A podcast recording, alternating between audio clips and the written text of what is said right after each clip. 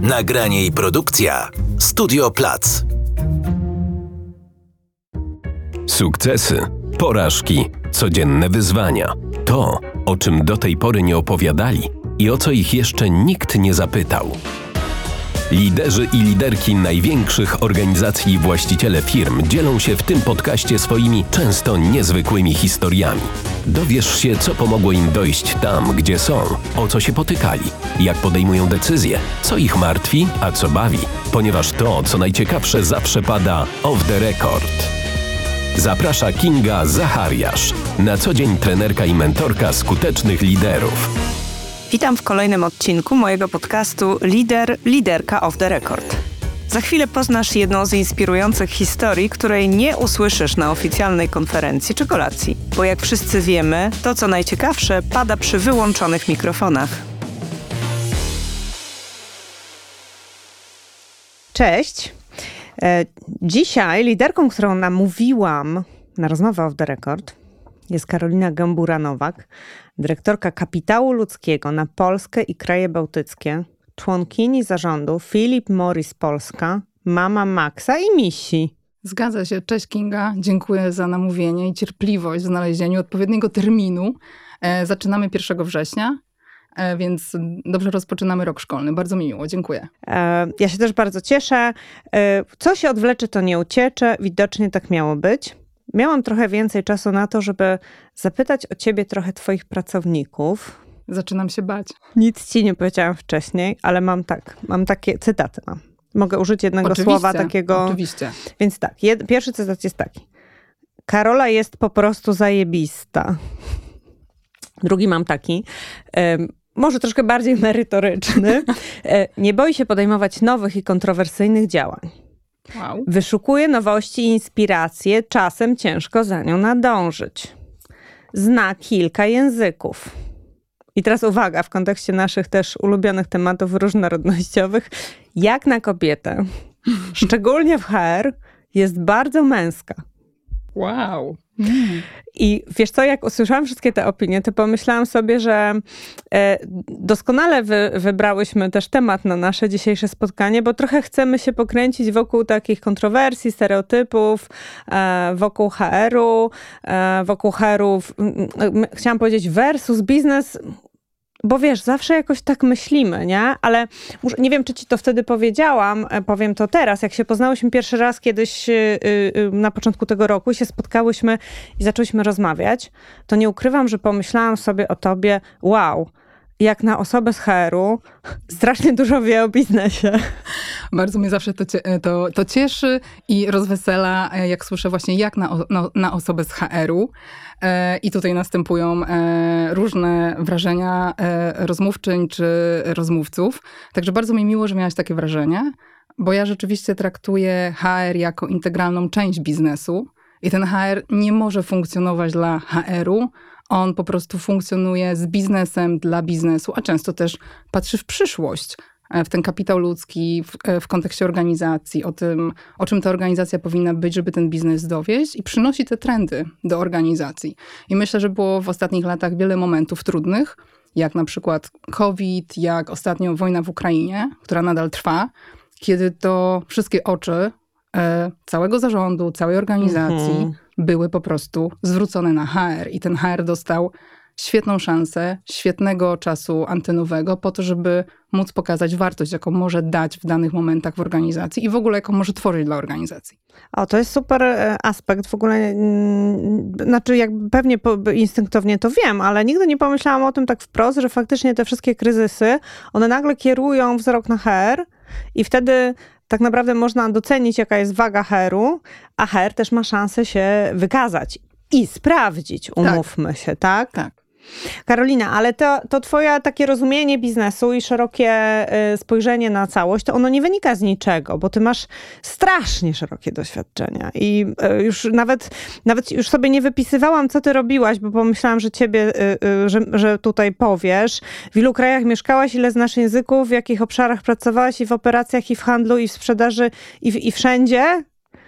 E, żeby ostat... no, ostatecznie tego nie wiem, ale póki co na dzisiaj wylądować w, jako szefowa ogromnego obszaru HR-owego w ogromnej korporacji. Co ty w życiu robiłaś? Powiedz trochę. O, rzeczywiście w życiu udało mi się robić wiele rzeczy i muszę naprawdę powiedzieć, że firma, dla której pracuję, Philip Morris, absolutnie mi to umożliwiła. Mhm. I nie wiem, czy byłoby to możliwe w innej firmie, ale wiem na pewno, że dzięki temu, że miałam to umożliwione, to nadal w tej firmie jestem, bo zawsze mogłam się rozwijać, uczyć czegoś nowego, a również sprawdzać, czy te wcześniejsze doświadczenia mogą dać wartość w miejscu, gdzie w danej chwili jestem. E, więc zacznijmy od tego, że zaczęłam w krakowskiej fabryce. Slić E, liście e, do produkcji e, wyrobów tytoniowych. Slić, w sensie jak przela- za granicę. Tak, przychodziły te liście w dużych paczkach, lądowały u celników w składzie celnym i trzeba było spowodować, że one do tej fabryki dotrą, mm -hmm. tak? I zadbać o to, że to się wszystko dzieje poprawnie. I to była um, praktyka, którą wtedy odbywałam, bardzo interesująca, w ogóle takie pierwsze zderzenie z dużą korporacją, z procesami, z ludźmi, z organizacją, z matrycowością w ogóle takiej organizacji. E, I stamtąd ktoś w sumie sobie pomyślał, że to taka jest taka rozgarnięta. dziewczyna rozgarnięta, która właściwie to te cła jakoś tam ogarnia, to może, może byśmy ją trochę rozwinęli w finansach, bo mhm. byłam po handlu zagranicznym, więc te finanse jakoś się spinały. I rzeczywiście zaczęłam swoją przygodę taką już pracownika, pracownicy w finansach e, i miałam wiele szczęścia, że to był czas powstawania shared serwisów w Polsce. Philip Morris również wybrał Polskę jako miejsce dla takiego, i mhm. lokalizację mhm. dla takiej organizacji. E, I rzeczywiście w związku z tym, że znam te kilka języków, a one były wtedy bardzo cenne, otrzymałam propozycję pracy w tak zwanym zespole migracyjnym, czyli jeżdżącym do różnych filii Philip Morris w Europie, analizującym ówczesne procesy finansowe z zakresu e, księgowości, e, e, rachunkowości zarządczej, rachunkowości finansowej i przenoszenia uzgodnionych procesów do Krakowa. Także miałam możliwość pracy wtedy w wielu, wielu krajach, w wielu filiach, od Hiszpanii, Szwajcarii, Niemiec, Węgier, Czech, Litwy, Brukseli, czyli Belgii, Holandii. Zwiedziłam naprawdę dużą część Europy. E, no i miałam możliwość pracy w tych różnych kulturach, mhm. bo pomimo tego, że to jest ta sama firma, ta tak. sama organizacja i ma swoje wspólne wartości i tak dalej, i tak dalej, to jednak każdy z, ty, każdy z tych filmów miał swoją specyfikę. Niesamowita przygoda, jak dla mnie takie poczucie przedłużenia studiów i długi Erasmus. Mhm.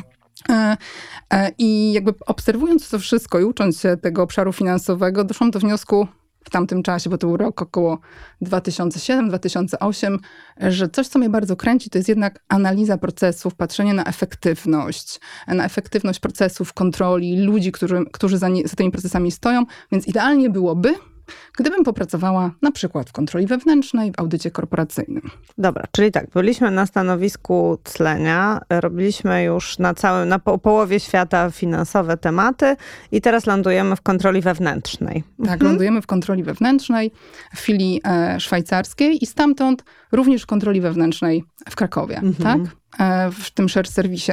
I ta kontrola wewnętrzna e, to jest naprawdę świetny obszar do tego, dla młodego człowieka, żeby popatrzył holistycznie na rzeczy, tak?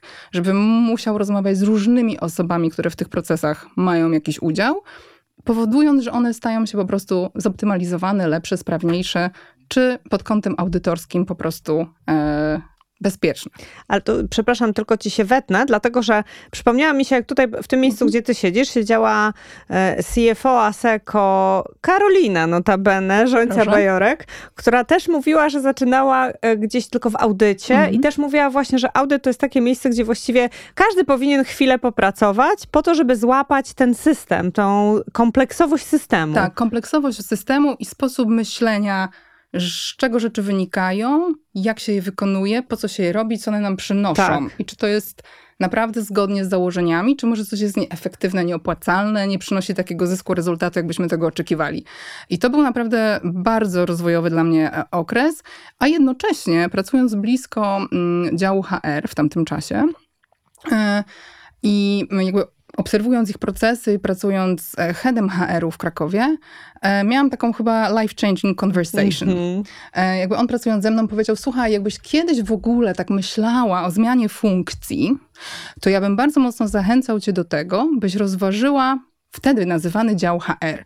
Mówi, myślisz danymi, umiesz wyciągać mm -hmm. insighty, umiesz słuchać ludzi, którzy z tobą rozmawiają o rzeczach merytorycznych i umiesz rzeczy drive'ować do przodu i tego bardzo potrzebujemy w HR-ze, bo tego jest za mało. I bardzo to fajnie by się potencjalnie sprawdziła w roli właśnie takiego biznes partnera. I to była taka myśl, 2009 rok, która było mi bardzo miło, została mi w głowie. Natomiast ja rzeczywiście bardzo chciałam z tego obszaru shared serwisu przenieść się i pracować na rynku, czyli tam, gdzie jest biznes, tam, gdzie rzeczy się dzieją, mhm. tam, gdzie jest sprzedaż. I mocno dążyłam do tego, żeby w naszej filii warszawskiej się znaleźć. Nadarzyła się ku temu e, okazja i zajmowałam się ochroną znaku towarowego i zwalczaniem nielegalnego handlu wyrobami tytoniowymi w Polsce. Cudownie. Z moim cudownym, ówczesnym szefem, którego serdecznie pozdrawiam. Tak to, tak to wyglądało. Natomiast ta myśl o, o HR-ze, to, że zarządzałam już zespołami wcześniej i że sprawiało mi to dużo frajdy, praca z ludźmi, poprzez ludzi, patrzenie na to, jak oni mogą błyszczeć, mm, a jednocześnie moja ówczesna praca, po tytule można wnosić, mogła być specyficzna. E, po urlopie macierzyńskim, będąc młodą matką, miałam bardzo duży komfort rozmowy z ówczesnym prezesem, e, takiej mm, e, rozmowy o tym, to co dalej, bo były finanse, mhm bo były te procesy. Tak. A co ci w sercu gra? I w sercu grał mi ten HR. E, żeby się, się ciągle na to krzesło. Tak. Ten autobus jechał, jechał, ciągle w tym jednym kierunku, kierunku, z różnymi przystankami. I ja mówię, wiesz, a, gdyby mogli być, a gdybyśmy mogli się tak umówić, że te dwa lata w tym HR-ze, tak żebym sprawdziła, doświadczyła, zobaczyła, czy to jest coś dla mnie, bo ja czuję, że to jest coś dla mnie i czuję, że mogę tam właśnie dać tą wartość, może wnieść coś, czego dzisiaj jest trochę mniej, za mało, a może stanie się nam bardziej potrzebne. No i rzeczywiście dostałam taką funkcję. Zaczęłam opiekować się e, funkcjami wspierającymi, czyli w tych tymi, które, w których pracowałam, jak finanse, kontrola wewnętrzna, więc mówiłam spójnym językiem z biznesem. I dużo łatwiej, wydaje mi się, było zrozumieć ich potrzeby organizacyjne, które miały się przełożyć na to, że oni dowiozą swoje cele. A im pewnie łatwiej było ciebie kupić w tej tak, sytuacji, bo tak. rozumie, widzieli, że ty rozumiesz, tak, co oni do ciebie tak. mówią. Mhm. No i ten świat HR-u i kolejne role w tym HR-ze, już wsparcia komercyjnego czy budowania nowej organizacji, to absolutnie było to. Jakby wiedziałam, że tu się czuję dobrze, tu jestem cały czas rozciągana w różne strony i obszary, a jednocześnie widziałam, że mm, daję tą wartość i mogę coś zaszczepić zespołowi. Mhm. Wiesz co, myślę, że właśnie to jest super historia, bo, która nas, takie robi nam zwodowanie do tego naszego tematu, mhm. o czym powinien być HR, czy o czym dzisiaj jest HR, bo jednak um, taki punkt, na który zwróciłam uwagę, jak mówiłaś, to było, że ktoś powiedział, o, Karolina, ty myślisz danymi, Karolina, ty ogarniasz cyfry, e, tak myślisz systemowo i myślę, że biznesowi, bo ja, mhm. za, ja jestem, byłam zawsze z biznesu, więc wiesz, ja ci mogę zawsze powiedzieć prawdę, ja co, zapytam, co, co biznes myśli o HR-ze, nie? I to jest w obie strony mocno nacechowana i stereotypami, i takimi ym, historiami, które sobie w głowie opowiadamy. Myślę sobie, że powinien HR, przede wszystkim to się że nazywa HR, biznes, partner teraz, tak? Przeszliśmy z, nie wiem, z kadr do HR-u, people and culture. E, jak, jak szef HR-u nie będzie rozumiał biznesu, to moim zdaniem już poległ. Poległ. I e, zaczynając rozmowę też o tym, o czym powinien być HR, miałyśmy się, mm, jak się umawiałyśmy, to powiedziałaś, słuchaj, to tam trochę tam termin przesuniemy, bo my teraz mamy transformację HR-u. Co to znaczy dzisiaj transformacja HR-u? To jest bardzo szerokie pojęcie i ono myślę, że będzie miało różne znaczenia w różnych organizacjach. Ale może odniosę się do dwóch aspektów tej transformacji HR-u, takiej ogólnej. Biznes zmienia, świat się zmienia bardzo szybko.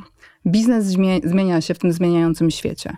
Więc HR nie może się nie zmieniać, bo mhm. nigdy tego biznesu nie wesprze i to jest taka baza. Nie będzie go serwisował, ale dla mnie baza to jest za mały. Ten biznes trzeba współdraj, współ drive'ować, ten, temu biznesowi trzeba e, zadawać pytania, czyli możemy powiedzieć challenge'ować, temu biznesowi trzeba doradzać. Więc stanie w miejscu brak zmiany tego, jak funkcjonuje dział HR, jakie umiejętności, ekspertyzę, zachowania w ramach osób w nim pracujących posiada, stanie w miejscu i nie robienie tego, nie zmienianie tego, to jest tunel bez wyjścia, tak. tak. I to jest dla mnie, że, ten HR musi po prostu się transformować tak, jak transformuje się biznes, tak jak zmienia się świat. Okay? I my dokładnie to robimy. Jako firma jesteśmy w gigantycznej transformacji. To jesteśmy firmą, która tworzy przyszłość bez dymu tytoniowego. Mm-hmm. Wchodzimy w zupełnie nowe kategorie produktów, wchodzimy w zupełnie nowe obszary mm, e, dotarcia, rozma- rozmawiania e, z pełnoletnimi konsumentami palącymi czy używającymi wyrobów tytoniowych. Więc ten HR musi to wszystko rozumieć i musi mieć tak dostosowaną, dostosowaną strukturę, ekspertyzy, umiejętności, rozumienie biznesu, żeby jak najlepiej ten biznes wspomagać. I my to robimy, tak? Czyli zmieniamy nasze umiejętności, budujemy nasze nowe umiejętności w zespołach i bazujemy na takich trzech obszarach: business-led, experience-driven i data-driven. Business-led. Business-led. Mm-hmm. Experience, experience-driven i um, data-driven, HR. Przechodzimy taką ścieżkę uczenia się, a jednocześnie patrzymy cały czas na to, przy tym zmieniającym się biznesie, jak nasza struktura odpowiednio ten biznes odbija, żebyśmy jak najlepiej mogli go wspomagać. Tak? Czyli to też jest taka zmiana organizacyjna, która następuje, mhm. ale jednocześnie zmiana sposobu myślenia i tej głowy, tak? bo my często jako HR lubimy e, wszystkim pomagać, tak, lubimy, często przejmujemy dużo obowiązków, które spoczywają na e, kierownikach i kierowniczkach. I to jest też taka pewna zmiana, że pewne rzeczy jesteśmy na tyle dojrzałą organizacją, że mogą być robione już bezpośrednio przez naszych kierowników czy kierowniczki, mhm. A nie zawsze przy takim bardzo dużym wsparciu czy prowadzeniu za rękę przez, przez dział HR. Więc my ku temu dążymy. E, jesteśmy w zespole, zespołem w procesie tej zmiany w naszej organizacji ja widzę z niej naprawdę same benefity i taką spra sprawniejszą, sprytniejszą pracę z dużo większym wpływem, niż jak to często bywa i obserwuję, jak rozmawiam z koleżankami i kolegami z działów HR, taki ciągły bieg, sprint, ale to maratoński dystans. I tak gonimy, gonimy, gonimy i tak odhaczamy, odhaczamy, odhaczamy, ale już czy tam mierzymy, czy wiemy, co to przyniosło, to takie się staje mgliste. E, znowu zwróciło moją uwagę, jako osoba zasadniczo wywodząca się z biznesu, ale jak wiesz, fascynująca Też, się stereotypami absolutnie. i łapiąca się w związku z tym na swoich różnych stereotypowych myśleniach, to jak powiedziałaś, że wy teraz analizujecie, jak się zmienia firma biznesowo, że zmieniają się produkty, że zmieniają się odbiorcy, że w ogóle ta strategia e, firmy jest zupełnie inna, to pomyślałam sobie, kurde, jakbym to powiedziała, przeciętnej osobie z biznesu, nie u was w firmie, mm -hmm. tylko w ogóle, wiesz, no ja się wywodzę z bankowości, ale pracuję też, no, te korporacje zasadniczo mają, zmagają się z dość podobnymi problemami mm -hmm. w skali takiej uniwersalnej i jakbym e, rozmawiała z ludźmi biznesu i by powiedzieli, HR? Oni w ogóle wiedzą, że my zmieniamy produkty? No nie, nie, ta, na pewno. I to jest właśnie to jest właśnie ta rozmowa, o czym powinien być HR, ale wiesz co, chciałabym cię trochę tak, chciałabym cię wypuścić na pewne pytanie podchwytliwe. Mhm. Spróbujmy. E, ponieważ HR się transformuje i przez ostatnie lata transformuje cokolwiek to oznacza, na pewno każdy powie, nawet jeśli nie będzie umiał tak, wiesz, dokładnie położyć na tym mhm. palca, że na pewno dzisiaj HR jest czymś innym niż był 10 lat temu że ten kierunek rozwoju HR-u idzie pewnie w stronę bardziej tego biznesu. Tworzą się nowe kierunki studiów, bo nawet z mhm. ciekawości mhm. ostatnio przeglądałam oferty studiów podyplomowych. E, no i tam dużo było takich właśnie, tam dyrektor HR, HRBP, najlepszy na świecie i w ogóle. I Mm, czyli to też wywiera jakąś taką presję, podnosi, wydaje mi się, że też trochę, nie wiem czy się zgodzisz, podnosi prestiż HR-u trochę Absolutnie. też. Absolutnie. I e, to ma swoje konsekwencje, może mieć konsekwencje w dwie strony, bo czasami e, słyszę też od kolegów z biznesu takie zdania, że no, temu HR-owi to już kompletnie odbiło. Bo jak usłyszeli, że mają rozumieć ten biznes, wiesz, to oni już nie tylko mówią mi, że nie przyjmą tego kandydata, bo im się HR-owo nie podoba, tylko wiesz, mówią mi, że nie przyjmą gościa, bo myślą, że biznesowo nie poradzi. Co ty myślisz na ten temat? Miałam ostatnio koleżanka mi opowiadała, e, koleżanka trenerka e, w jakiejś firmie, w której ona rozmawiała z szefem jakiegoś działu biznesowego o treści mhm. warsztatu, a następnie równoległy szef HR-u do niej zadzwonił i powiedział: Pamiętaj, kto jest twoim szefem. To jest bardzo fajny, bardzo fajny przykład i bardzo fajne pytanie. Mhm. E, generalnie wszystko zaczyna się od tego, że HR i biznes muszą być, użyję pięknego słowa angielskiego, zelainowani, tak? tak? Zanim z czymkolwiek, gdziekolwiek pójdą. I znowu, to nie jest walka światów, tylko to jest wspólne patrzenie na to, jaką organizację budujemy, czy co robimy. I dla mnie jest absolutnie okej. Okay. Ja sobie nie wyobrażam, że poszłabym do trenera zewnętrznego jako HR bez uprzedniej rozmowy biznesowej z biznesem, to czego my potrzebujemy, to co my się staramy zaadresować, to jakie obszary będziemy briefować, tak? E, jakiejś tam firmie zewnętrznej, żeby na, nas w tym wspomogła. E, ale to do tego też trzeba dojść. To jest proces. Zanim mhm. HR jest stroną przy stole, która w ten sposób rozmawia z biznesem e, i ja też nie widzę żadnej konkurencji w tym, że ktoś jeszcze doda coś z biznesu więcej tak. niż my byśmy mogli sobie wymyśleć. Na końcu dnia to biznes jest klientem. To nie jest HR, to nie jest funkcja sprzedażowa, to nie jest funkcja marketingowa. My wszyscy jesteśmy klientami. Tylko do tego, tak jak powiedziałam, to jest proces, żeby do takiego momentu dojść. Bo bardzo często HR jest postrzegany albo jako strażnik procesu, prawa, procedur, tak? Taki klasyczny, tak. nie? Albo jako administrator, który przygotowywuje dokumenty, zatrudnia, zwalnia, daje nagany. Tak? No i na pewno niech się nie wszania biznesowi Dokładnie. w zatrudnianie, bo i tak mamy ciężko. Do... Jeszcze się z wami męczyć. Dokładnie. Mhm. I jest ten kolejny, jeszcze, jest ten kolejny poziom, czyli dodawania wartości w HR strategiczne. Tak. I na przykład w procesach rekrutacyjnych, które mamy, one oczywiście zaczynają się od wspólnego briefu. Tak? To mhm. kogo my w organizacji poszukujemy? Czy te umiejętności mamy w organizacji, możemy rozwinąć, czy musimy pozyskać z zewnątrz, tak? No dobrze, jeśli chcemy pozyskać z zewnątrz, to na co będziemy zwracać uwagę w procesie rekrutacyjnym, jakimi narzędziami, case'ami będziemy to oceniać, tak? Czyli my na końcu dnia i kto to będzie oceniał? Czyli jest cały na to proces, tak? I HR przede wszystkim zawsze zwraca uwagę na te aspekty miękkie, kulturowe mhm. danej osoby, a jeśli jest na tyle mocny merytorycznie i wie, że się umówiliśmy na wiem, te cztery obszary z zakresu key accountów, tak. kandydat czy kandydatka mhm. powinna mieć i to jest nasz, e, nasza karta oceny kandydata, no to może zwrócić uwagę, że u jakiegoś kandydata czy kandydatki tego wybrzmiało mniej, więcej, tak? E, więc ja bym mówiła, że to też musi być otwartość biznesu na to, żeby zobaczyć wartość HR-u jako funkcji i tą wartość też tworzą po prostu pojedyncze, pojedyncze osoby, które w tym HR-ze pracują. Jedni robią to bardzo sprawnie, inni robią to siłowo. Tacy też się zdarzają.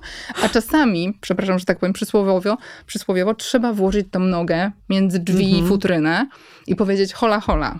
Tym razem to naprawdę potrzebujemy usiąść i porozmawiać, mhm. bo mamy learningi, tak, z poprzednich sytuacji, kiedy nas zabrakło i coś nam się po prostu wykrzaczyło. Tak. Tak. E, no dobrze, to teraz rozmawiałyśmy o, o takim mhm. wpisie, y, bo cały, cały czas tak cię trochę e, podpuszczam, e, jakby korzystając też z twojej otwartości i takiej bezpośredniości. Robisz to bardzo elegancko. no bo na koniec dnia mi w sumie zależy, żeby ten HR dobrze wypadał, bo ja, bo ja uważam, że HR zasadniczo jest potrzebny i za, zarówno biznes, jak i HR powinny sobie dać szansę mhm. i to jest tak, że, że ciężko znaleźć tę drogę, ale rozmawiałyśmy o wpisie pewnego prezesa pewnej bardzo dużej polskiej firmy, polskiej czy nie, nie wiem, czy ona jest polska, muszę sprawdzić, ale no, nazwę ma, kojarzy się wieloletnia firma polska. Na LinkedInie przy jakiejś e, dyskusji o tym, o empatycznym przywództwie i w ogóle, e, to ów prezes napisał e, co nawet mnie tak, no bardzo mnie to zainteresowało, że tam empatyczne przywództwo empatycznym przywództwem, ale tak naprawdę to pracownik to raczej nie empatycznie, tylko tak y, krótko i na temat.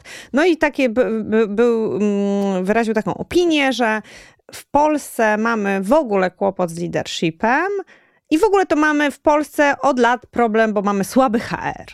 To było bardzo ciekawe stwierdzenie. Ja widziałam je wyryw, wyrywku, tak? tak. Nie, nie, widziałam całej rozmowy, więc nie będę w stanie się ustosunkować do tego konkretnego, e, konkretnego przesłania.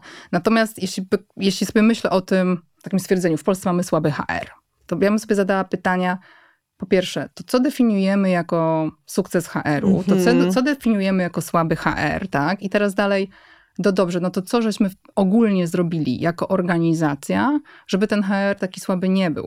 Czyli na ile skrystalizowaliśmy oczekiwania, na ile daliśmy to miejsce przy stole temu HR-owi, na ile zadbaliśmy o to, żeby ludzie w nim pracujący, i ja myślę, że to jest naprawdę kluczowe, mieli odpowiednią ekspertyzę, odpowiednie umiejętności, to po angielsku się świetnie określa capabilities, bo to mm -hmm. nie mhm. skills, tylko capabilities, i odpowiednie zachowania, żeby ten HR nie był słaby tak? No i żeby też biznesowi powiedzieć, słuchajcie, to nie jest y, piąte koło uwozu, Mhm. tylko my naprawdę wierzymy, że HR w tej firmie jest potrzebny i dajemy mu Tak. też No. em, empowerment, znowu polskie słowo, e, bo, no bo trochę tak jest, że biznes uważa, że jest naj... I, i tak jest, że biznes jest najważniejszy, wiadomo, że przynosi pieniądze, ale też ważny jest sposób, w jaki to robi, nie? No właśnie, a co to znaczy mocny HR? Ha, mocny HR według mnie, tak? Tak. Mm, To taki, który mm, zbudował poczucie w organizacji, zarządzie, na różnych poziomach menedżerskich, że mm, jego bytność i to, co on robi, w jaki sposób robi, jak doradza, jak pyta, jak rozmawia, dodaje wartość, czyli rozwiązania, które ten biznes tworzy, są lepsze. I teraz wiadomo, że biznes zawsze będzie miał priorytet na biznesie, ale naprawdę myślę, że jesteśmy w takim miejscu na świecie, że wiemy, że biznes budują, tworzą, rozwijają ludzie. Tak. Jak HR, zresztą tak samo jak HR, surprise, surprise. Dokładnie. I teraz trzeba, trzeba naprawdę pokazywać w organizacji przede wszystkim i edukować organizację o tym, że bez ludzi odpowiednio wyszkolonych, wykształconych, z odpowiednią ekspertyzą, z zachowaniami, po prostu nie dowieziemy tego biznesu tak, Mhm. jakbyśmy chcieli. To po pierwsze. Po drugie, jeśli mamy inicjatywy, które również, podkreślę tu bardzo mocno, wynikają, inicjatywy HR-owe, które wynikają ze strategii biznesowej, to my je mamy uzgodnione z biznesem, my wiemy, co one mają nam przynieść, my wiemy, jak je będziemy mierzyć, mierzymy i pokazujemy wyniki tych, e, tych działań.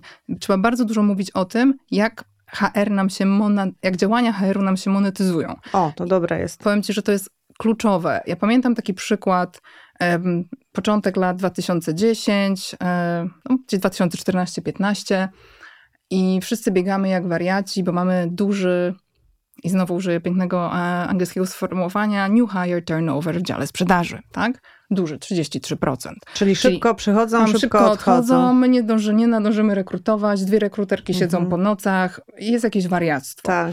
E, Ja wtedy wylądowałam w tym HR-ze w Warszawie i zaczynam zadawać te procesowe pytania. No dobra, to jakie ogłoszenia o pracę tworzymy? To ile my płacimy za tą pracę? A co się dzieje, jak, jaki jest proces rekrutacyjny? Co on bada? Tak? Kto go prowadzi?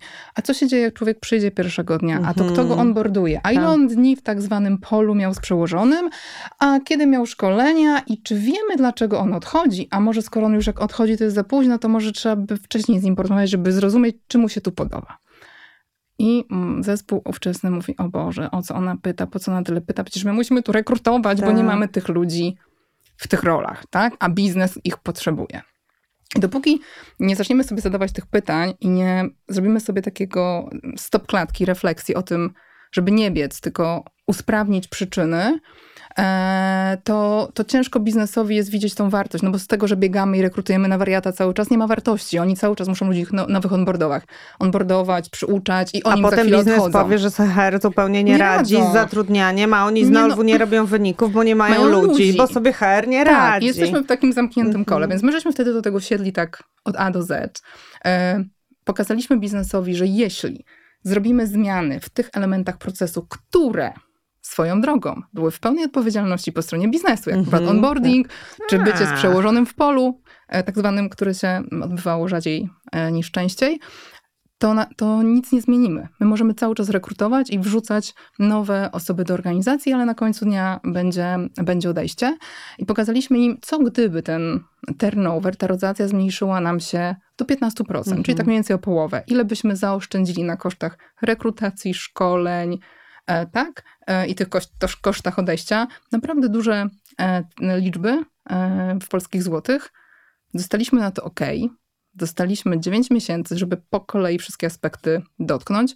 Od tamtego czasu do dzisiaj nasz turnover w sprzedaży nie przekroczył nigdy 10-11%, średnia rynkowa 15-16%. My, my obecnie jesteśmy na 7%, więc to naprawdę przynosi efekty. Tak?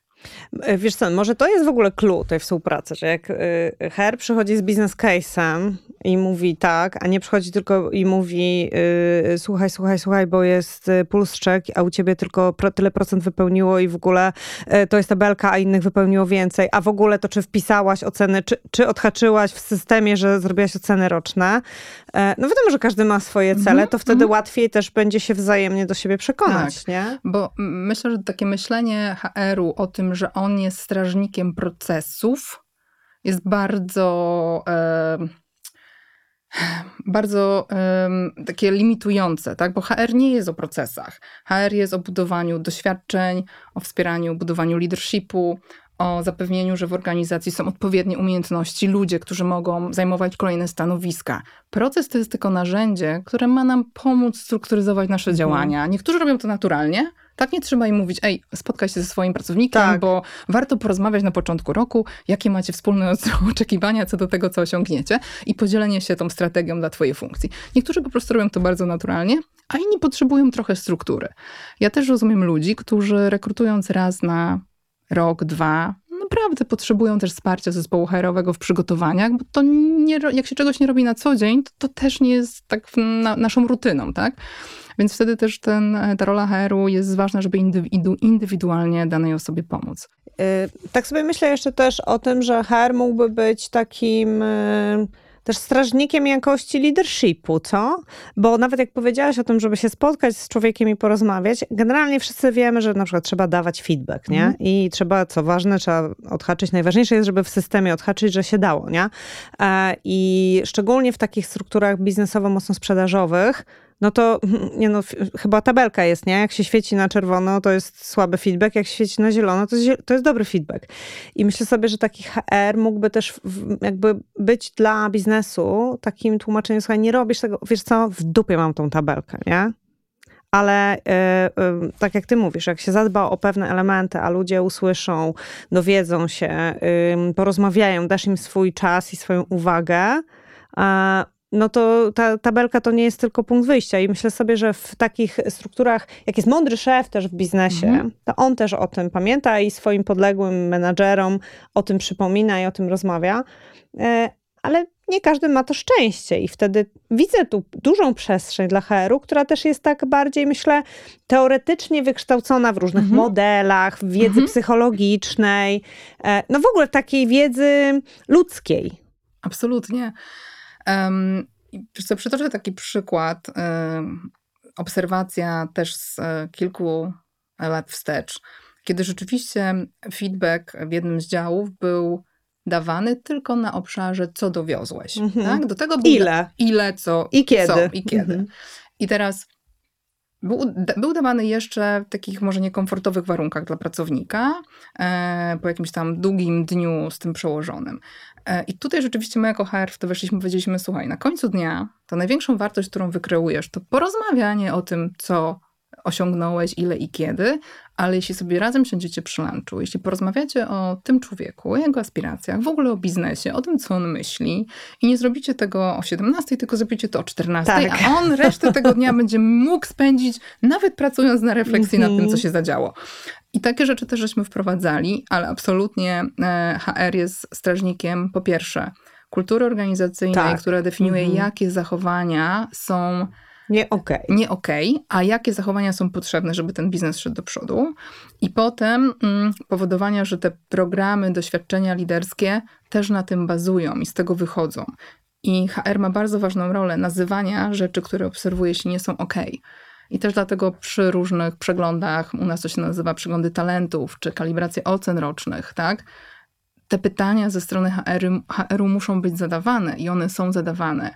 I to jest też proces, w którym PMI, Philip Morris był przez wiele, wiele lat.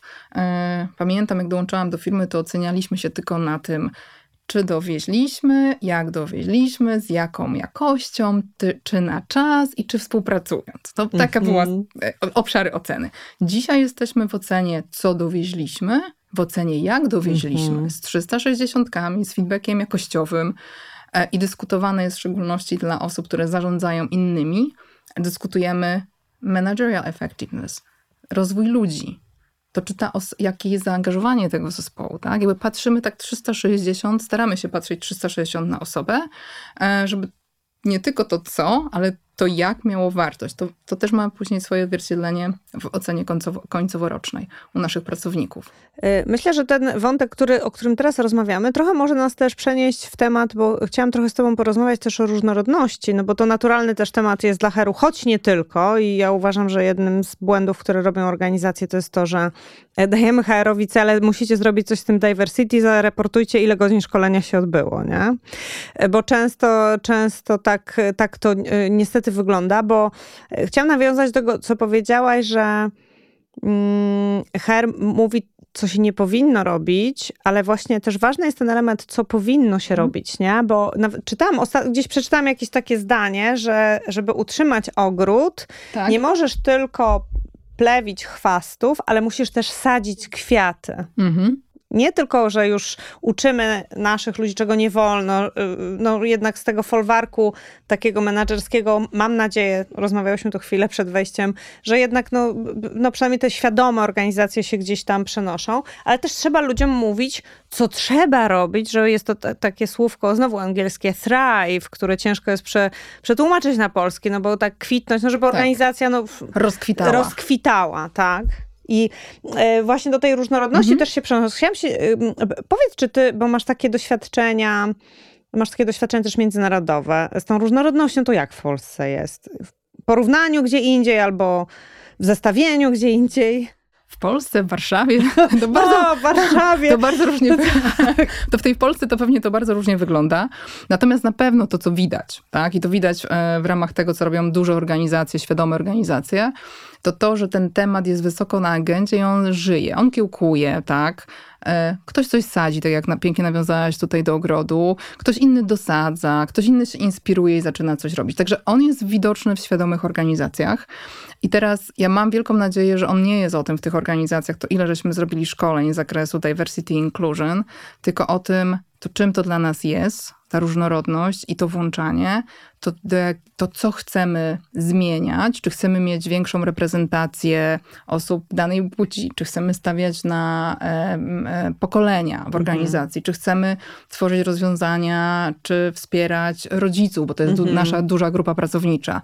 A może... Już o kobietach to już nawet nie wspomnę. Tak, właśnie, ko kobiety, tak.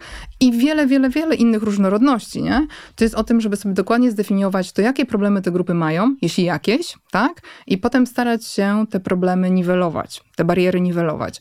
I mieć tak mierzalne cele, które pokazują nam realną zmianę. Czy ona się naprawdę dzieje, czy ona się nie dzieje, tak? Bez danych jesteś Bez tylko danych, kolejną osobą, tak, która ma opinię. opinię. Dokładnie tak. E, I dla mnie e, to jest akurat kluczowe, jeśli chodzi o różnorodność i włączanie. I muszę przyznać, że mm, My na przykład działamy, jak wiele innych firm, z różnymi organizacjami, staramy się o tej różnorodności nie, i włączaniu, tak? Bo różnorodność, jak ja lubię mówić, to fakt, a włączanie to wybór. Tak, różnorodność tak. to jest tabelka w Excelu. Tak. Ile jest jakiego typu osób. osób. I możemy tak, różne grup. filtry tam nakładać tak. i generalizować, no nie? Natomiast... Um, bardzo cieszy mnie fakt również tego, że właśnie dużo organizacji um, komercyjnych działa, współpracuje z różnymi po, organizacjami pozarządowymi czy fundacjami e, i my się z nimi tam spotykamy i widzimy, że mamy bardzo podobne tematy na agendzie, że mierzymy się z tymi tak. samymi barierami, problemami dla tych grup mniejszościowych, no i łączymy ze sobą siłę. Mhm. E, I teraz w Warszawie, w Polsce, w dużych miastach widać też, jak organizacje mówią, pokazują różnorodność na zewnątrz. Tak My mieliśmy taką przyjemność stworzenia kilku, kilku kampanii społecznych, jak ja to mhm. nazywam. Mieliśmy taką kampanię mm, o rodzicielstwie, tak? Pokazując, że tak naprawdę takie kontrowersyjne hasła w stylu dlaczego tata e, e, poszedł, e, dlaczego mężczyzna poszedł na urlop mhm. rodzicielski, bo został rodzicem, tak? tak? Czy praca albo kariera, praca i kariera, mhm. wszystko da się pogodzić. Ostatnio braliśmy udział w kampanii Cześć różnorod... powiedz cześć tak, różnorodności. Tak gdzie hasłem przewodnim było to, że nie da się człowieka opisać jednym słowem. E, z FOBem pracujemy nad inkluzywnym językiem w reklamach, mhm. bo reklamy też tworzą tak. naszą rzeczywistość, więc te rzeczy się dzieją i dużo film to robi. E, czy jest to tak powszechne jak w innych krajach europejskich? Myślę, że w zależności od kraju, bo Wielka Brytania tu przoduje w różnych Mhm. działaniach e, in diversity and inclusion, ale widzę mm, moich kolegów czy, e, czy koleżanki, jak rozmawiamy na poziomie europejskim, że tam dzieje się naprawdę dużo, dużo mniej. E, Więc ja jestem dumna z Polski, tego. A, co w Polsce obserwuję. tak? Po, pozytywnie, tak. Ja mam takie pozytywną, pozytywną ocenę tego, co w Polsce się dzieje. A powiedz, czy w takiej firmie jak wasza, no bo wy jesteście jednak na koniec dnia jednak firmą produkcyjną i ja też jak rozmawiam z różnymi klientami, to często dostaję takie pytanie, czy pani ma doświadczenie z pracy z firmami produkcyjnymi? No bo wydaje się, że to jednak jest jakaś specyfika, tak? Bo to jest, fajnie jest jak sobie siedzimy, wiesz, Mhm. na open space w Warszawie, w centrali, w tych boksach, czy Mhm. na kolorowych fotelach, a co innego jak musimy zejść na produkcję do większości pewnie panów, Mhm. wychowanych w tradycyjnym społeczeństwie. No nie wiem, nie byłam dawno w żadnej firmie produkcyjnej, więc nie wiem, czy tam, nie wiem, wiszą kalendarze, czy nie wiszą. Pewnie wy tego pilnujecie, że nie. No ale mm, no też nie chcę tutaj znowu stereotypizować, ale wydaje mi się, że y, stawiam, że jest trudniej rozmawiać o różnorodności w takich miejscach niż w centrali i, i prawda, open space, czy, y, czy, czy miękkim, kolorowym fotelu w Warszawie, wiesz, w centrum. Absolutnie, pomimo tego, że nie byłaś ostatnio w filmie produkcyjnej, to masz jak najlepsze zrozumienie tego, że tak, jest trudniej. E, absolutnie jest trudniej. Pomimo tego, że obszary różnorodności, których dotykamy w fabryce, one też są o możliwościach rozwoju dla kobiet, tak? które są Mhm. zupełnie inne, bo są przepisy prawa pracy. Tak? Jest Tak. ciężko kobiecie jakby odhaczać kolejne e, stanowiska w swojej karierze i się rozwijać, bo są pewne normy prawne, które no niestety nie pozwalają jej na przykład dźwigać, tak? a stanowisko jest kluczowe, żeby Tak. móc zrobić kolejne. Więc te, to są te same obszary, jakie my mamy dla firmy mm, tutaj komercyjnej, na której pracujemy jak kobiety, rodzice, opiekunowie, e, generacje, tak? różne pokolenia oraz oddolne grupy pracownicze. Natomiast to są te same tematy, natomiast sposób ich robienia i problemy, których one dotykają, to, to są zupełnie inne Mhm. światy. I taka trakcja, którą się zyskuje, ona jest dużo, dużo wolniejsza, więc trzeba włożyć dużo więcej wysiłku, żeby te tematy zaczęły kiełkować w organizacji produkcyjnej i żeby zaczęły przynosić efekty.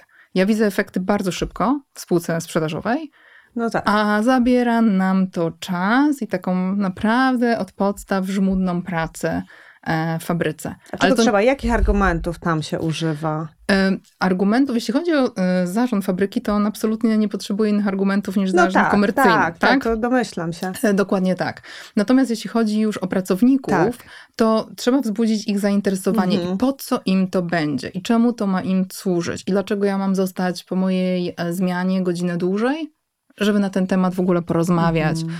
To są proste e, Tak. obszary i proste bolączki, e, które powodują, że to zainteresowanie jest trochę mniejsze, Mhm. ale jak mówię, to nie jest tak, że go nie ma, tylko ja zawsze uważam, że kamień, drą- e, kropla drąży skałę i że trzeba naprawdę systemowo, systematycznie z tematami pracować, żeby one w, w końcu zaczęły działać, tak? Żeby coś zasiały, żeby znalazło się dwie, trzy, cztery osoby, które tak naprawdę oddolnie już to pociągną.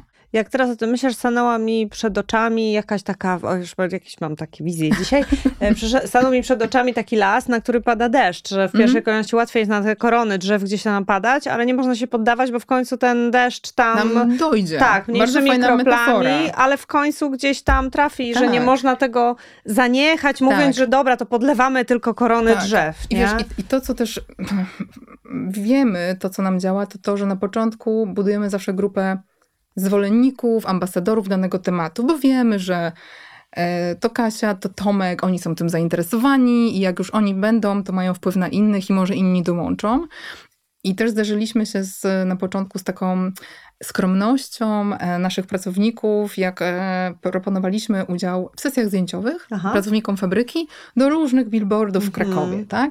To pierwsze sesje to były takie trochę, a przyjdziesz, no a czy dobrze wyjdę, a czy to tak, Mhm. gdzie ja będę, to w którym miejscu? Tak, była pewna nieśmiałość ze strony pracowników, ale jak zobaczyli te kampanie, zobaczyli siebie, jak koledzy i koleżanki powiedzieli, fajnie, nie? Mhm. fajnie to wygląda, to powodowało to taką dumę. I teraz jak mamy różne sesje, czy to kręcenia filmów, czy mm, photoshooting dla, dla fabryki, nie mamy z tym problemu, tak? Super, bo to jest też o docenianiu i o Tak. pokazywaniu w ogóle, o otwieraniu nowych Tak. światów trochę Pokazujemy ludziom. siebie, tak? Tak. Pokazujemy naszych pracowników i, i tyle. No dobra, Karolina, skoro o tej różnorodności, Mhm. dlaczego w HR-ze w ogóle nie ma facetów? I mówiąc w ogóle, specjalnie tego dobieram, bo to słowo, bo jakbyśmy tak spojrzeli, no nie wiem ile, nie wiem jak jest u was, ale jak ja patrzę na świat, to miałam, kiedyś miałam w Mhm. banku HR Business Partnera, zresztą bardzo fajnego, ale jednak w większości to są dziewczyny. I to jest tak, że mogę y, śmiało obstawić, że spotykam się z szefową HR-u, Szefową, tak. z szefową. HR-u. No, był tutaj Piotrek Lipa, szef Mhm. HR-u w y, Unika, ale generalnie no to są szefowe. Dlaczego nie ma mężczyzn w HR-ze? To jest cudowne pytanie, na które ja nie znam odpowiedzi. Mogę domniemać. Mogę, może mogę powie, odpowiem tak. W mojej organizacji, którą ja mam przyjemność zarządzać, w moim zespole mamy e, 20% chłopaków. E, I są cudowni, e, wspaniali, dodają nam kolorytu, dodają nam inną perspektywę.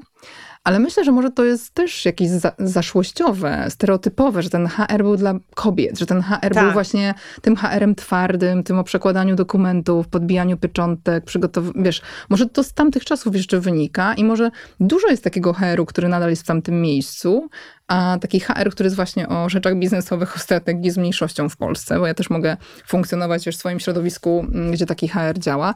Więc może to jest o tym, że nie są w stanie sobie wyobrazić, bo nie wiedzą, jak ciekawy HR Może może to jest być. takie trochę niemęskie być No, HR-ze. mm, no może, może też. Nie wiem. E, natomiast wiesz co, ja uważam, że są takie obszary w, w ogóle w, w biznesach, gdzie jest więcej mężczyzn, innych jest więcej kobiet, tak? Nie wiem, na produkcji zderzymy się znaczącą większością mężczyzn, czy nie wiem, w działach komercyjnych, przynajmniej mam takie doświadczenie, e, też częściej e, panowie podejmują pracę e, versus kobiety. I, I tak po prostu jest. I teraz chyba nic na siłę, ale można uświadamiać o tym, że pewne role są ciekawe, fajne i zachęcać, tak? A może tu potrzeba jakichś parytetów? I mówię zupełnie serio. Tak, tak. No bo tak, mówimy o tej różnorodności, że, że kobiety już dzisiaj już, pomijam perspektywy regulacyjne, czyli tam dyrektywa, woman on boards, Mhm. bo to już jest taki Mhm. super high top level, Mhm. ale jednak w organizacjach tych świadomych różnorodnościowo w ogóle się bardziej dba o to i na poziomie rekrutacji, żeby był inkluzywny język Mhm. y, y, ogłoszeń i żeby ta pula kandydatów była bardziej y, wyrównana. No i, no i tak pewnie jest, że jak ktoś ma, nie wiem, zespół samych facetów, to sobie myśli, kurde, no następną osobę to pewnie bym chciał zatrudnić kobietę. Czy tak, tak HR tak na mnie patrzy, pewnie, pewnie będę, bo to w drugą stronę też działa. No, teraz to już nikt nie awansuje, bo słyszę takie, takie teksty. U nas w firmie to już nikt nie awansuje, żaden facet, bo wiadomo, że jak jest rozpisana jakaś funkcja, to na pewno będą chcieli, ra- na pewno będą chcieli kobietę, no bo teraz tak, no to, więc to ma Mhm. po- pozytywne, negatywne. Ale może, no właśnie tak powinno może być, że powinniśmy mieć trochę, p- trochę takiego parytetu w HR-ze, że zrobić wszystko, żeby tam jednak zaciągnąć tych facetów, właśnie po to, żeby po pierwsze to nie było niemęskie, a po Mhm. drugie skoro HR się robi takim też strategicznym obszarem, to jest dokładnie ten sam argument, Mhm. że 20% nie powinno zarządzać populacją 50%, tak samo jak w drugą stronę Vice mówimy. versa. Nie? Tak. Ja myślę, że, że generalnie tak jak ja patrzę na mój zespół i jak podchodzimy do nowych rekrutacji, to przede wszystkim podchodzimy y, do, do nich na bazie kompetencji, umiejętności najlepszego kandydata czy kandydatki. Tak. Nie patrzymy tutaj przez pr- pryzmatu e, płci. Ale zgodzę się z tobą, że jakby warto dążyć do dość zbalansowanych zespołów pod kątem różnych form różnorodności. Doświadczeń, wieku, płci i tak dalej, i tak dalej, nie? To jest bardzo, bardzo cenne, bo też świat i konsument, i pracownik, i pracownica, oni odzwierciedlają, tak? Te Tak. różnorodności. Potem łatwiej jest, pracując nad rozwiązaniami, słysząc ich perspektywę, jakby wypracowywa- wypracowywać coś, co naprawdę działa. Nie? E, ale myślę, że też jest duża rola tego uświadamiania e, nie tylko panom, ale również paniom i w ogóle osobom, które gdzieś dzisiaj rozważają, e, co będą robić w przyszłości. I chyba tu nie robimy do końca dobrej roboty jako HR w ogóle, te, właśnie tego, czym ten HR jest. Ja Właśnie. myślę, że to jest, Mhm. to jest bardzo trafna uwaga, że warto jest propagować tym, czym on jest, czym on może być, jak ciekawym obszarem e, on w ogóle, jak on ewoluuje, bo on cały czas ewoluuje, tak? On dotyka socjologii, on dotyka zachowań społecznych, on dotyka naprawdę trendów wszelakich, które będą, e, które, zmian technologicznych, które wpłyną na, na to, jak będziemy pracować. To jest bardzo ciekawy, szeroki obszar. No tak sobie pomyślałam właśnie, dokładnie to chciałam powiedzieć, co ty powiedziałeś, że być może ten wątek należałoby pods- podsumować właśnie w taki sposób, że dobrze promować, co robi HR, Mhm. jak się zmienia, jak bardzo blisko może być biznesu i po prostu może być też atrakcyjnym miejscem do pracy. Nie tylko, że Absolutnie. się tam, wiesz, siedzą dziewczyny, trzymają się za ręce i zastanawiają się, jak uszczęśliwić ludzi, tylko normalnie uczestniczą w procesach biznesowych. Absolutnie. No ale skoro o tym mowa, jako się rzekło na samym początku, powiedziano mi, że ty masz raczej taki męski styl pracy. W- Nie wiem, nawet już nie, nie, nie próbuję też do, dopytywać, bo intuicyjnie każda z nas wie. Zresztą myślę, że o mnie pewnie podobna opinia mogłaby być. A jaką ty jesteś szefową? w związku- Jaką ty jesteś szefową? Jaką ty jesteś męską szefową HR-u? Nie wiem, czy męską, może dla niektórych męską szefową HR-u. I Bo może tam... niektórzy podobno za tobą nie nadążają. O Słyszałaś to? jacie, o jacie, tak, też to słyszałam, ale to powiem ci, powiem ci tak, powiem ci jaką jestem i jaką Aha. staram się być i czego cały czas się uczę. Jak bardzo dziwnie to nie zabrzmi, bo cały czas się uczę, to Tak, e, może wiem. dziwnie zabrzmieć. Em, więc em, jestem na pewno mm, wymagającą szefową, Mhm. która stawia wysoką poprzeczkę sobie i innym i uczę się tego, że ona nie musi być tak wysoko dla wszystkich. E, uczę się też tego, e, mm, że good enough to move on is good enough to move on. Absolutnie to, co wydaje mi się wnoszę do zespołu, to jest priorytetyzacja, czyli jasno wiemy, co jest ważne i odsiewamy wszystkie inne rzeczy. E, na pewno mogłabym więcej doceniać, na pewno, Nagrane, nagrane. to wiem i nad tym też mocno pracuję. I muszę przyznać, że nawet w tym tygodniu dostałam feedback od jednej z raport- raportujących do mnie dziewczyn, że, e, że absolutnie po prostu na przestrzeni czasu widzi, jak bardzo ta zmiana Mhm. następuje. Natomiast też to, to, czym się chyba pochwalę trochę, to konsystentnie przez lata dostaję feedback od zespołu, z którym pracuję, em, bardzo podobny. Że jestem osobą, która bardzo dobrze balansuje meryko- merytorykę i Aha, troskę o innych. okej, I że to super. jest taki mój leadership mark. E, I bardzo mam, na, i mam nadzieję, że go nigdy nie zatracę, e, bo myślę, że dzięki temu, jak działam i pracuję, po prostu jestem sobą. Czy w Mhm. pracy, czy w domu, czy w relacjach osobistych, po prostu jestem taka sama, nie nakładam żadnej maski czy fasady, e, ze względu na miejsce, w którym w danym momencie się znajduję. Ale tak, to taką chyba szefową jestem i, i facylituję dużo rzeczy. Ja lubię budować mosty pomiędzy ludźmi. Jestem w stanie, wiesz, w ramach jakichś konfliktów e, spowodować, że ludzie zaczynają ze sobą rozmawiać. Em, no i na pewno no, ten biznes, po co, na co, dlaczego, co nam to przyniesie, sprawdźmy, co nam to przyniosło i czego żeśmy się z tego nauczyli. To taka mantra, którą zespoło, zespołem ćwiczymy i która myślę, że też przynosi na końcu dnia dość dużą satysfakcję, bo wiemy, co żeśmy chcieli zrobić, wiemy, czy nam się udało, a jak nie, to może czego żeśmy się z tego nauczyli. Może jak będziemy pisać posty na LinkedInie, promując ten odcinek, to oznaczymy tego pana prezesa, żeby mu pokazać, że to wcale nieprawda, że HR jest słaby, tylko musi być dobry szef HR-u, y, dobrze osadzony, szefowa, w tym przypadku szefowa, y, która y, też rozumie, że ten, ale myślę, że to w ogóle, biorę sobie to też z tej naszej dzisiejszej rozmowy, właśnie trzeba dobrze ten HR promować, dobrze ten HR przedstawiać, dobrze... Też to biorę. Tak, że, że trzeba więcej opowiadać, że HR to, co, Mhm. co, jest, co to jest właśnie ten HR. Misja społeczna, promu- promujmy HR. Tak. Dodam jeszcze jedną rzecz, że ten HR, tak jak żeśmy zaczęły, trochę podsumowywując, on będzie tak mocny, tak silny, jak świadoma jest organizacja Mhm. jego potencjalnej wartości, jak świadomy jest prezes, prezeska, zarząd i jak dają e, mu te właśnie struktury, umocowanie w organizacji. Bo HR sam ze sobą, walący w ścianę, naprawdę nic nie zdziała. On musi mieć tą przestrzeń. A czasami trzeba mu ją dać, żeby udowodnić, a czasami on sam przyjdzie i nam pokaże. A to rzekłszy, e, zaproszę cię do ostatniego pytania, które dostają wszyscy moi goście. Wczoraj nagrywałam jeden odcinek, tak strasznie długo gadałyśmy, że już nie, nie, tego nie zadałam. Poważnie? Tak, Będzie bez po- tego pytania? Zadałam inne związane, ale podobnie. Powiedz Karolina, na jaki temat ostatnio zmieniłaś zdanie? A wiesz co, nie wiem, czy cię zaskoczę, bo może to być trochę kontrowersyjne. W Super, takie lubię, tu off the szczególności- record off the mi record. powiedz W szczególności, że e, rozmawiałyśmy jeszcze przed wejściem do Tak. studia o pasjach.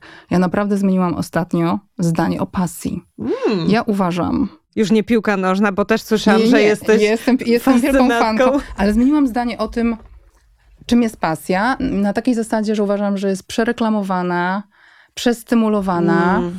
wszystko jest dzisiaj W o sensie tym... nie hobby, tylko to takie, takie nakręcenie. już nakręcenie. Je, żyj pasją, znajdź pasję, Tak. twórz z pasją. I myślę, że mm, trzeba mieć bardzo dużą ostrożność, jeśli chodzi o używanie tego słowa i, i, i o bycie pas, s- posiadanie pasji do czegoś, bo pasja może powodować po prostu, że nie stajemy się w obiektywni w ocenianiu tego, co robimy, jak robimy, jakie ryzyka przy tej pasji gdzieś się mogą pojawić. Jesteśmy tak zapatrzeni w swoją ideę, w swoją Zakochani w pasję, swoim pomyśle. że nie przynosi to, to tego, czego byśmy oczekiwali, a wręcz może mieć dla nas bardzo zgubne skutki. W życiu prywatnym, ale też biznesowym. Tak? Było wiele pomysłów, gdzie twórcy mieli pasję, Segway, jeden z nich, przeszacowali tak, Tak. potencjalny e, popyt na, na swoje produkty. Byli pasjonaci e, wielu sportów ekstremalnych, którzy no niestety nie doszacowali ryzyk Tak. i kończyło się to niejednokrotnie tragicznie. I myślę, że taka głęboka pasja może doprowadzić w biznesie do tego, że ktoś jest tak przekonany o tym, że to, co ma w głowie jest właściwe, że nie słucha, nie obiektywizuje, nie, y, nie, nie rozumie i nie widzi ryzyk, które przed nim są. I to, I to może być zgubne. Czyli tak, ta pasja, o której tak zawsze myślałam, wiesz, radośnie, nie no fajnie, coś z pasją, zrobimy z pasją, wakacje z pasją. E, To, to tak ostatnio to właśnie mam taką refleksję, że chyba trochę muszę, znaczy chyba musimy trochę stonować, powinniśmy stonować, bo ta pasja wyskakuje nawet z lodówki. Ale to super. To jest w ogóle super refleksja. Ona mi się z dwoma rzeczami kojarzy. Po pierwsze z tym e, tekstem e, dla mnie debilnym, który mówi uczyń, rób to, co kochasz, a nie, prze, nie przepracujesz ani jednego dnia w życiu.